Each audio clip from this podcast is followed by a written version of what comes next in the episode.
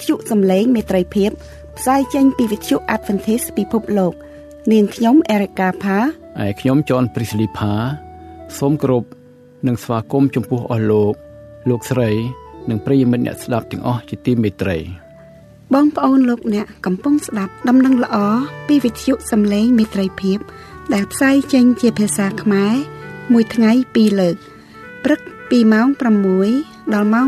6:30នាទី ពេលល្ងាចពីម៉ោង8ដល់ម៉ោង8:30នាទីយប់តាមរលកធាតុអាកាសខ្លី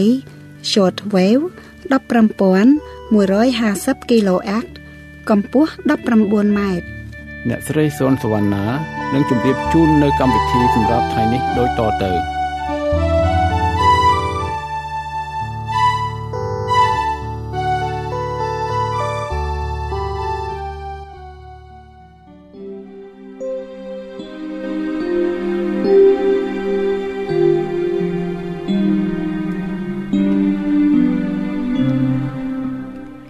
បងប្អូនស្ងួនភ្ងាជាទីគោរពនិងជាទីមេត្រី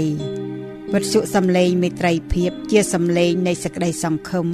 និងជាសារនៃសេចក្តីសង្គ្រោះពីព្រះយេស៊ូវគ្រីស្ទជាព្រះអង្គសង្គ្រោះ ដែលទ្រង់មានព្រះបន្ទូលមកកាន់យើងរាល់គ្នានៅគ្រប់សម័យកាលព្រះគម្ពីរហូសេចំពុក4ខ6សម្ដែងថារះអញត្រូវបំផ្លាញទៅដោយខ្វះខាតតម្រេះ ឯព្រះគម្ពីរយេរេមៀចំពុក6ខ16សម្ដែងថាព្រះយេហូវ៉ាទ្រង់មានបន្ទូលដូចនេះថា ចូលឲ្យឯងរាល់គ្នាឈរតាមផ្លូវហើយមើលចុះត្រូវឲ្យសួររកផ្លូវចាស់ទាំងប៉ុន្មាន មើលជាមានផ្លូវណាដែលល្អរួចឲ្យដើរតាមផ្លូវនោះចុះនោះឯងរាល់គ្នានឹងបានសេចក្តីសម្រាកដល់ប្រលឹងវត្ថុសំឡេងមេត្រីភាពសូមជូនកំរងប្រវត្តិសាស្ត្រ នៃថ្ងៃសបាតថ្វាយបង្គំព្រះ និងពួកជំនុំព្រះពីសិភៅថ្ងៃដែលគេស្ទើរតែភ្លេចបាត់ទៅហើយ និពន្ធដោយលោក Mark Finley ប្រែដោយអ្នកស្រីឡៅជីឡាវពិនិត្យកែសម្រួលនិងចែកចាយដោយលោកគ្រូសនសុផាត សូមអញ្ជើញស្ដាប់ដូចតទៅ thank you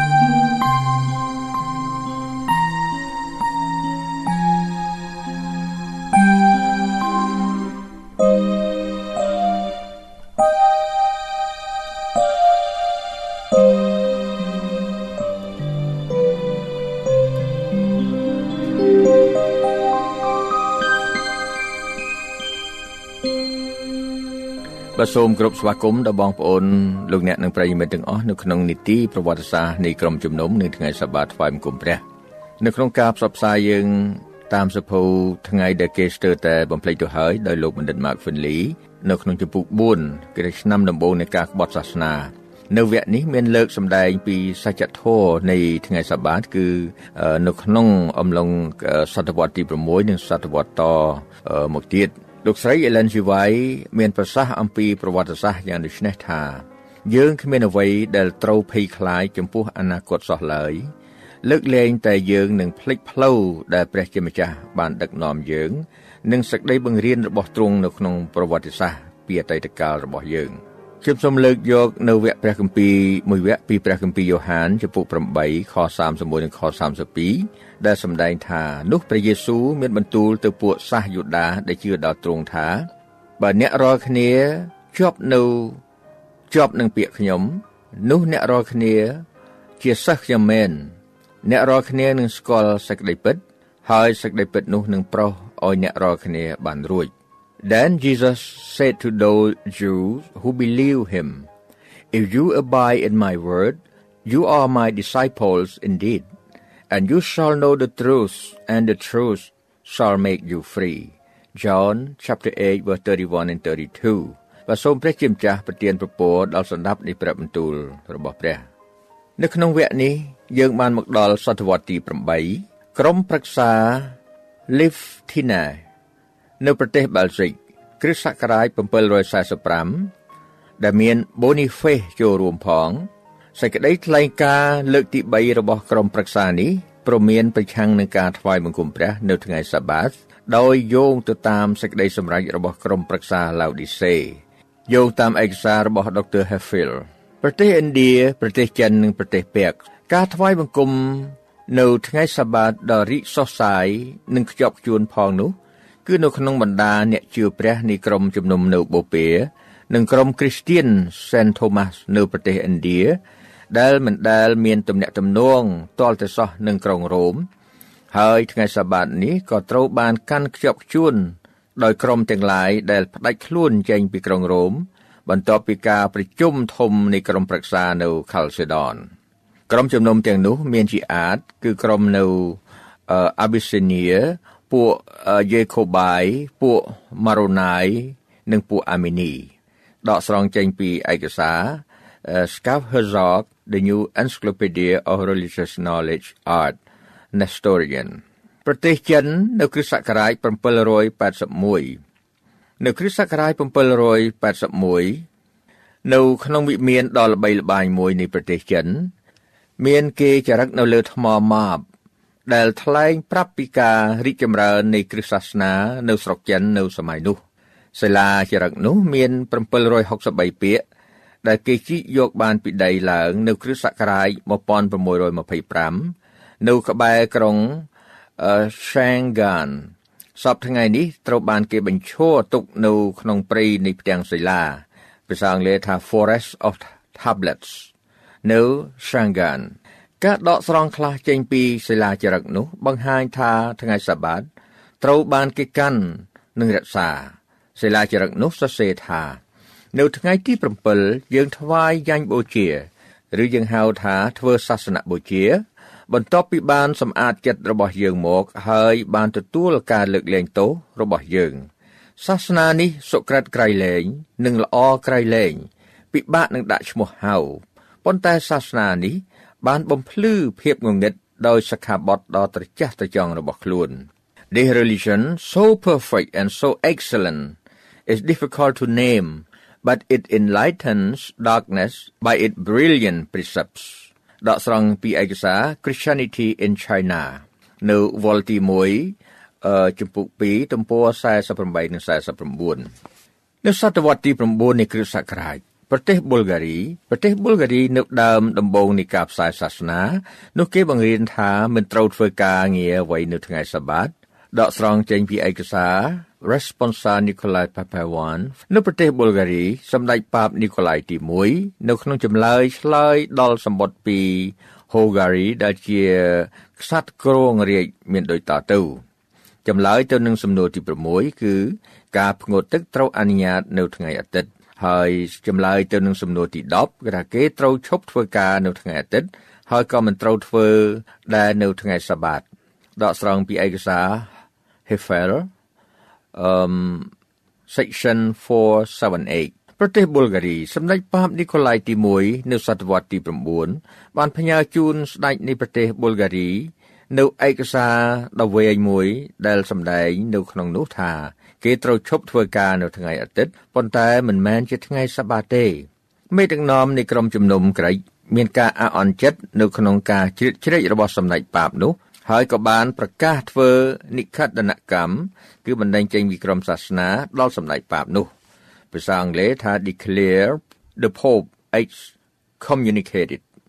ដកស្រង់ចេញពីឯកសារ Truth Triumphant ទំព័រ232សតវត្សទី10និងសតវត្សទី11នៃគ្រិស្តសករាជក្រុមជំនុំនៅខាងទិសបូព៌ាគឺ Kurdistan ក្រុម Nestorian មិនទទួលទានសាច់ជ្រូក ហើយកាន់ថ្ងៃសបាតគេមិនជឿលើការសារភាពដោយលឺលឺឬការសម្អាតប្រលឹងនៅទីណាមួយ បន្ទាប់ពីស្លាប់មុនពេលទទួលចូលឋានសួគ៌ They believe in neither auricular confession nor purgatory ដកស្រង់ចេញពីឯកសារ Scaff Herzog The New Encyclopedia of Religious Knowledge Art Nestorian ប្រទេស Scotland មានទំនៀមទម្លាប់មួយទៀតរបស់ពួកគេ ដែលគេមិនយកចិត្តទុកដាក់នឹងការគោរពព្រះនៅថ្ងៃនេះព្រះអម្ចាស់ទេ ដោយព្រោះគេដាក់ភក្តីភាពរបស់គេ ទៅលើកិច្ចការផង ខាងផ្លូវលោកីនៅថ្ងៃនោះដោយដែលគេធ្វើនៅថ្ងៃឯទៀតដែរដែលការនេះវាផ្ទុយទៅនឹងបញ្ញត្តិច្បាប់នោះម្ចាស់ស្ត្រី Margaret បានបង្ហាញផុសតាងដល់គេទាំងខាងវិចារណញ្ញាណក៏ដូចជាទាំងខាងអញ្ញាផងដែរ ម្ចាស់ស្ត្រីបានមានប្រសាសន៍ថាចូលយើងគោរពថ្វាយបង្គំនៅថ្ងៃនេះព្រះអម្ចាស់ពីព្រោះជាថ្ងៃដែលព្រះជាម្ចាស់មានប្រជញ្ញរស់ឡើងវិញ ហើយចូលយើងឈប់ធ្វើការបែបជាទេសៈនៅថ្ងៃនោះទៀតហើយចូលចងចាំក្នុងចិត្តថា គឺនៅថ្ងៃនោះ ដែលយើងបានត្រូវប្រោះលោះពីទេសភាពនេះសាតាំងសម្ដេចប៉ាប Gregory ដ៏មានពរក៏បានថ្លែងដូចគ្នានេះដែរ ដកស្រង់ចេញពីឯកសារ Life of Saint Margaret to God ទំព័រ49 British Museum Library នៅប្រទេស Scotland ប្រវត្តិវិទូឈ្មោះ Skin ពិពណ៌នាពីកិច្ចការរបស់ម្ចាស់ស្ត្រី Margaret ចំណុចបន្តទៀតដែលម្ចាស់ស្ត្រី Margaret បានធ្វើនោះគឺពួកគេមិនបានគ្រប់ត្រឹមត្រូវនៅថ្ងៃនេះព្រះអម្ចាស់នោះទេ ហើយមកទល់ពេលចុងក្រោយនោះ គេហាក់ដូចជាដើរតាមទំនៀមទម្លាប់មួយ ដែលគេអាចស្រាវជ្រាវរកដើមតួអង្គឃើញនៅក្នុងពួកជំនុំដើម នៅប្រទេសអ៊ីកឡង់ដែលនៅក្នុងនោះពួកគេប្រកាន់យកថ្ងៃសៅរ៍ជាថ្ងៃសបាតនៃព្រះអម្ចាស់ដែលគេឈប់សម្រាកពីគ្រប់ការដែលគេធ្វើដកស្រង់ចេញពី Skin Celtic Scotland វល់ទី2ទំព័រ349ខ្ញុំសូមធ្វើការរំលឹកឡើងវិញនៅស័ព្ទដែលប្រើនៅក្នុងឯកសារទាំងឡាយនេះគឺតាក់ទងទៅនឹងថ្ងៃថ្វាយបង្គំព្រះ ចំណងជើងនៃសភៅនេះ គឺថ្ងៃដែលគេស្ទើរតែភ្លេចបាត់ទៅហើយ uh the almost forgotten day នោះគឺសំដៅទៅលើថ្ងៃសាបាតថ្ងៃទី7ឬជាថ្ងៃសៅរ៍ជាថ្ងៃបរិសុទ្ធថ្ងៃឈប់សម្រាកតាមព្រះគម្ពីរព្រះយេស៊ូវជាព្រះអម្ចាស់នៃថ្ងៃឈប់សម្រាកដូច្នេះថ្ងៃសាបាតត្រូវតែជាថ្ងៃនៃព្រះអម្ចាស់ Jesus is Lord of the Sabbath so the Sabbath must be the Lord's day នៅក្នុងអត្ថបទពីកម្មវិធីមុនមុន មានបរិយាយអំពីការផ្លាស់ប្ដូរថ្ងៃថ្វាយបង្គំព្រះដែលហៅថាថ្ងៃសបាតនេះដោយក្រុមប្រឹក្សាឡាវឌីសេ និងព្រះចៅកុងស្តង់ទីន នៅពិភពគ្រីស្ទានជាច្រើនសតវត្សមានការថ្វាយបង្គំ2ថ្ងៃគឺនៅថ្ងៃសបាតថ្ងៃទី7និងថ្ងៃទី1ដែលគេហៅថាថ្ងៃនៃព្រះអម្ចាស់មានគ្រីស្ទានយើងជាច្រើន បច្ចុប្បន្ននេះដែលជឿថាថ្ងៃជប់សម្រាកឬថ្ងៃសបាតគឺជាថ្ងៃអាទិត្យដូច្នេះហើយពួកគេយល់ថា គេបានថ្វាយបង្គំព្រះនិងកាន់ក្រឹតវិនិច្ឆ័យ10ប្រការដោយម៉ត់ម៉ងហើយពេលខ្លះគាត់ឮការផ្សព្វផ្សាយពីថ្ងៃសបាតជាថ្ងៃសៅរ៍នោះពួកគាត់គិតថាជាការខុសទៅវិញ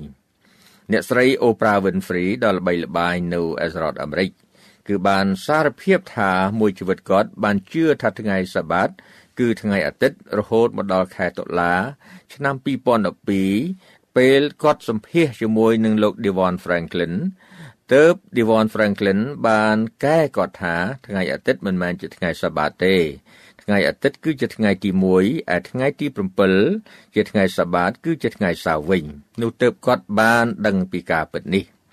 នៅកម្មវិធីក្រោយខ្ញុំនឹងលើកចែកចាយជូនបងប្អូនប្រិមិត្ត ពីការរកឃើញនៅ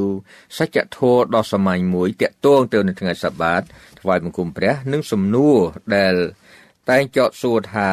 តើហេតុអ្វីបានជាថ្ងៃសបាតនោះវាសំខាន់ខ្លាំងម្ល៉េះសរុបសេចក្តី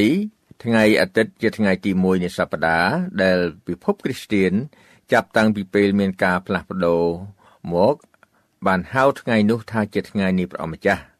ហើយបានយកជាថ្ងៃថ្វាយបង្គំព្រះយេស៊ូវ និងព្រះនៃនគរឋានសួគ៌ឯថ្ងៃថ្វាយបង្គំព្រះដ៏ពិតតាមព្រះគម្ពីរនោះមានឈ្មោះថាថ្ងៃទី7ថ្ងៃជប់សម្រាកឬថ្ងៃសាបាត គឺថ្ងៃសៅរ៍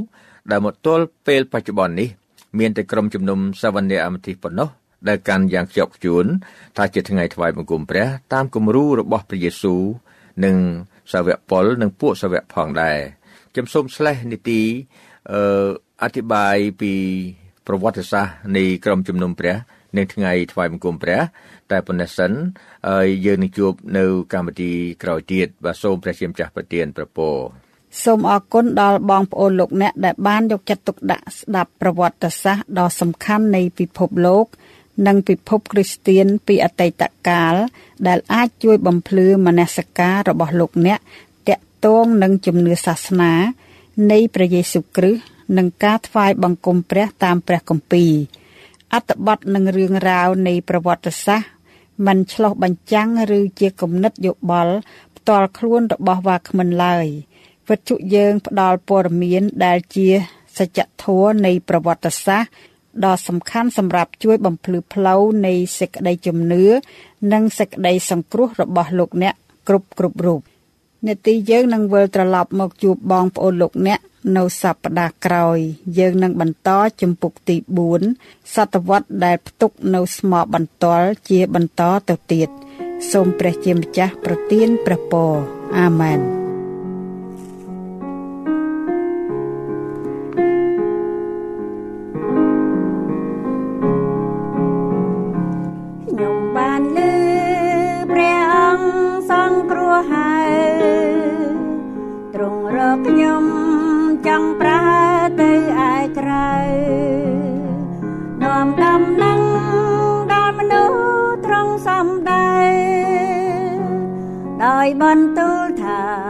ឲ្យទៅតាមត្រង់បើត្រង់នាំឲ្យខ្ញុំ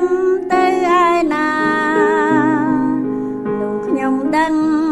ថាត្រង់ថែរក្សា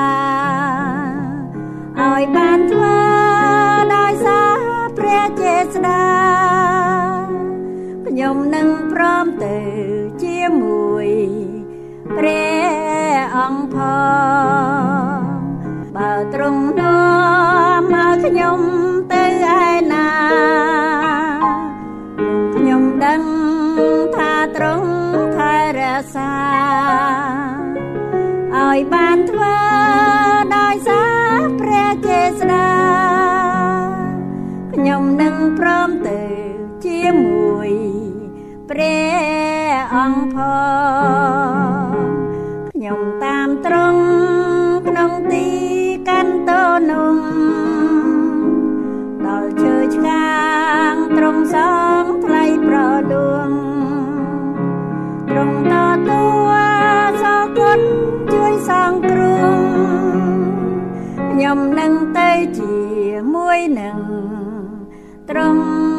រហូត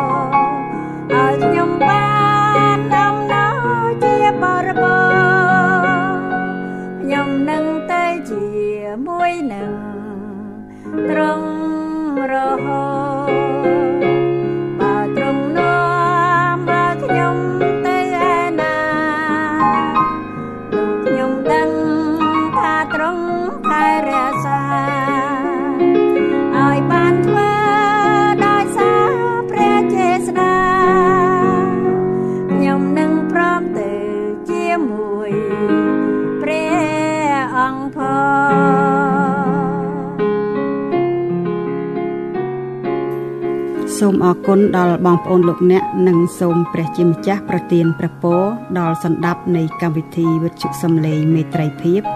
យើងខ្ញុំសូមអញ្ជើញបងប្អូនលោកអ្នកស្ដាប់កម្មវិធីផ្សាយតាមប្រព័ន្ធអ៊ីនធឺណិត www.voiceoflow.us សូមចុចភ្ជាប់ direct ទៅ AWR វិទ្យុ Adventist ពិភពលោក ដើម្បីស្ដាប់កម្មវិធី ថ្មីថ្មីរៀងរាល់ថ្ងៃ បើបងប្អូនលោកអ្នកទទួលអំណរនិងព្រះពរពីកម្មវិធីយើង ឬមានសំណួរសំណូមពរផ្សេងផ្សេងសូមអ៊ីមែលមកស្ថានីយ៍យើងផ្ទាល់នៅ voice.low@clearwire.net សូមអរគុណ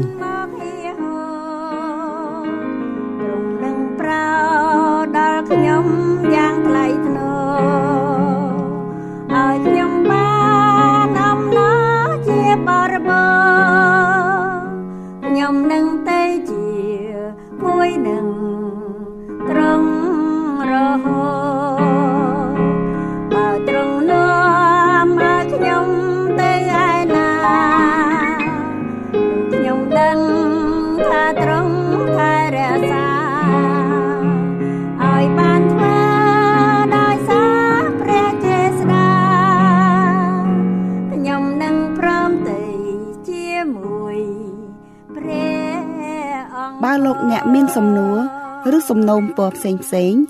ឬចង់ដឹងពីក្រុមជំនុំដែលនៅជិតសូមតាក់ទងមកការិយាល័យវិទ្យុសំឡេងមេត្រីភាព តាមទូរស័ព្ទលេខ012 34 96 64ឬអ៊ីមែលទៅ vol@awr.org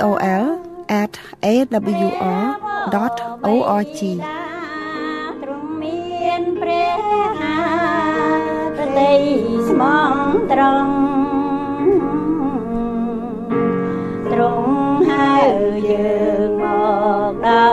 បានសន្យាឲ្យធ្វើជាកូនព្រះអង្គគឺទ្រង់ស្មងត្រង់មិនដែលបបង់ក៏ណាមជួយចោលសោឡើ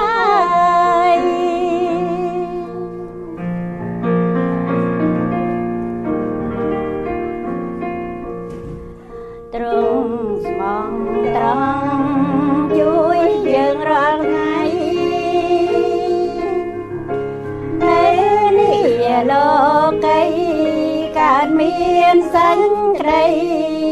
ល្បួងមិនស្បាយជាប់មានទុំរួយបៀតបៀនខ្វាំងខានទ្រង់មិនធ្វើកាន់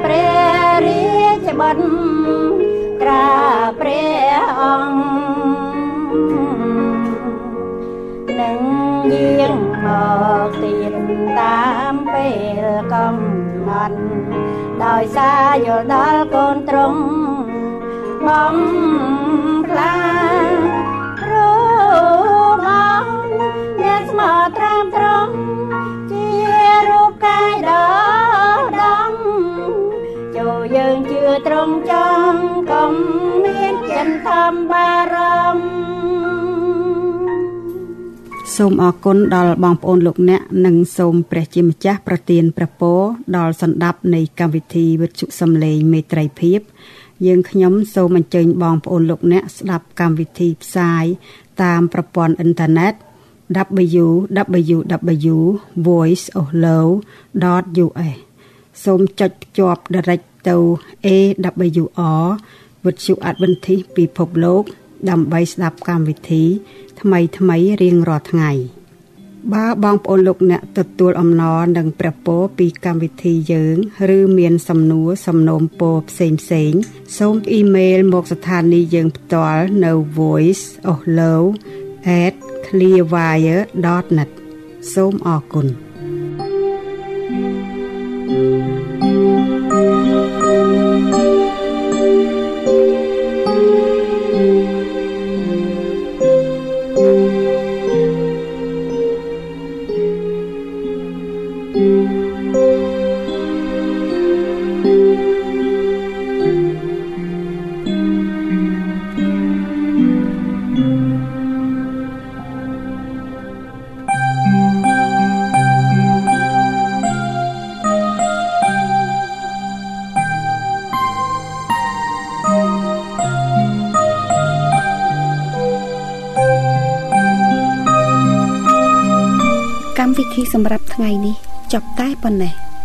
ទ្យុយើង សូមថ្លែងអំណរគុណជាអតិបរមា ចំពោះការយកចិត្តទុកដាក់ស្ដាប់ របស់អស់លោកអ្នកនាង សូមព្រះជាម្ចាស់នៃមេត្រីភាពប្រោះប្រទានព្រះពរគឺសេចក្តីសុខសន្តិភាព អំណរនិងសុភមង្គលជានិច្ចនិរន្តរ៍តរៀងទៅសួស្តី